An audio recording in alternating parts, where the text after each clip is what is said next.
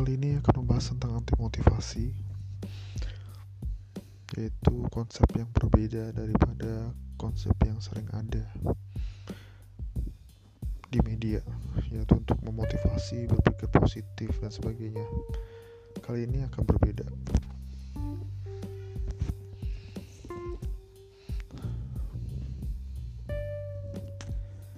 Jadi pertama perlu diperhatikan bahwa emosi negatif bukanlah sesuatu yang salah. Itu sangat diperlukan juga buat hidup. Emosi positif adalah reward atau hadiah karena telah berhasil melewati emosi negatif. Emosi adalah sinyal yang diberikan kepada otak kita. Kita tidak wajib untuk mengikutinya. Standar sukses adalah bertindak. Gak usah repot-repot. Harus jadi orang kaya. Harus jadi milioner punya mobil punya rumah. Cukup bertindak. Bukan outputnya yang penting tapi inputnya. Tapi action yang kita lakukan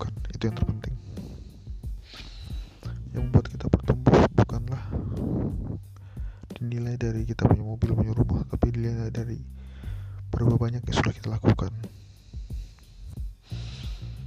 Perjuangan yang kita buat pengorbanan yang kita sudah lakukan. Rasa putus asa sedih gagal hancur menyesal itu hal biasa wajar. Semua manusia mengalaminya kamu gak sespesial itu sampai mengalaminya sendirian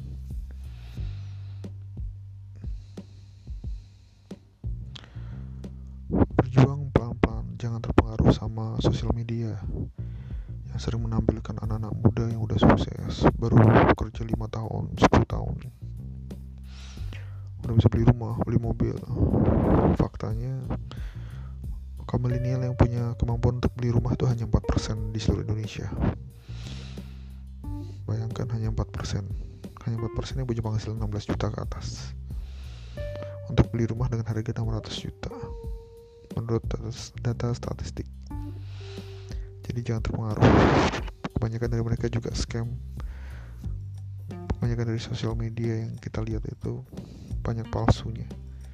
Banyak yang tidak diceritakan ke kita.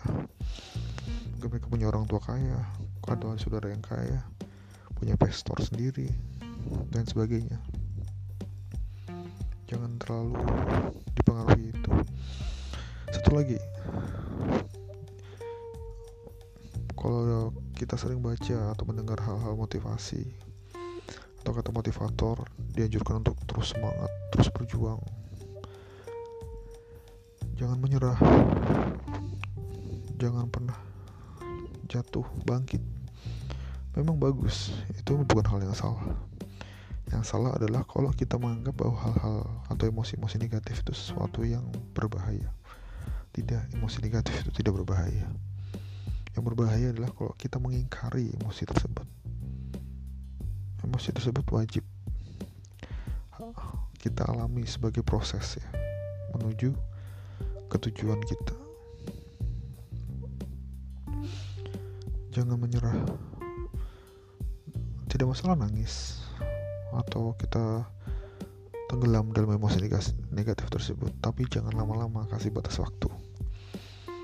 Ingat satu hal, selama kita masih bernafas selama kita masih bisa berpikir selama kita masih bisa berjuang bekerja harapan selalu ada keajaiban selalu ada walaupun